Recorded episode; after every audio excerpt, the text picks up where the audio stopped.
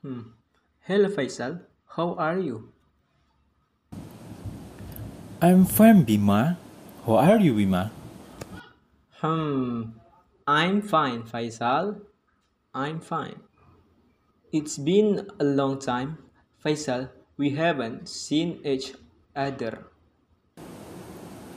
Yes, Bima. It's been a long time since I saw you. So, how are you now? Do you have a job? Wow, Faisal. For my job, still working at the old place, Faisal, as an office employee. How about you, Faisal, your work? Thank you. I am now work in a company that pay quite a lot here.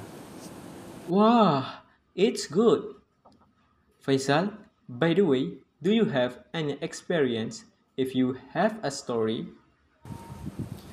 The most memorable experience I ever had was when I opened the S in MPTI announcement.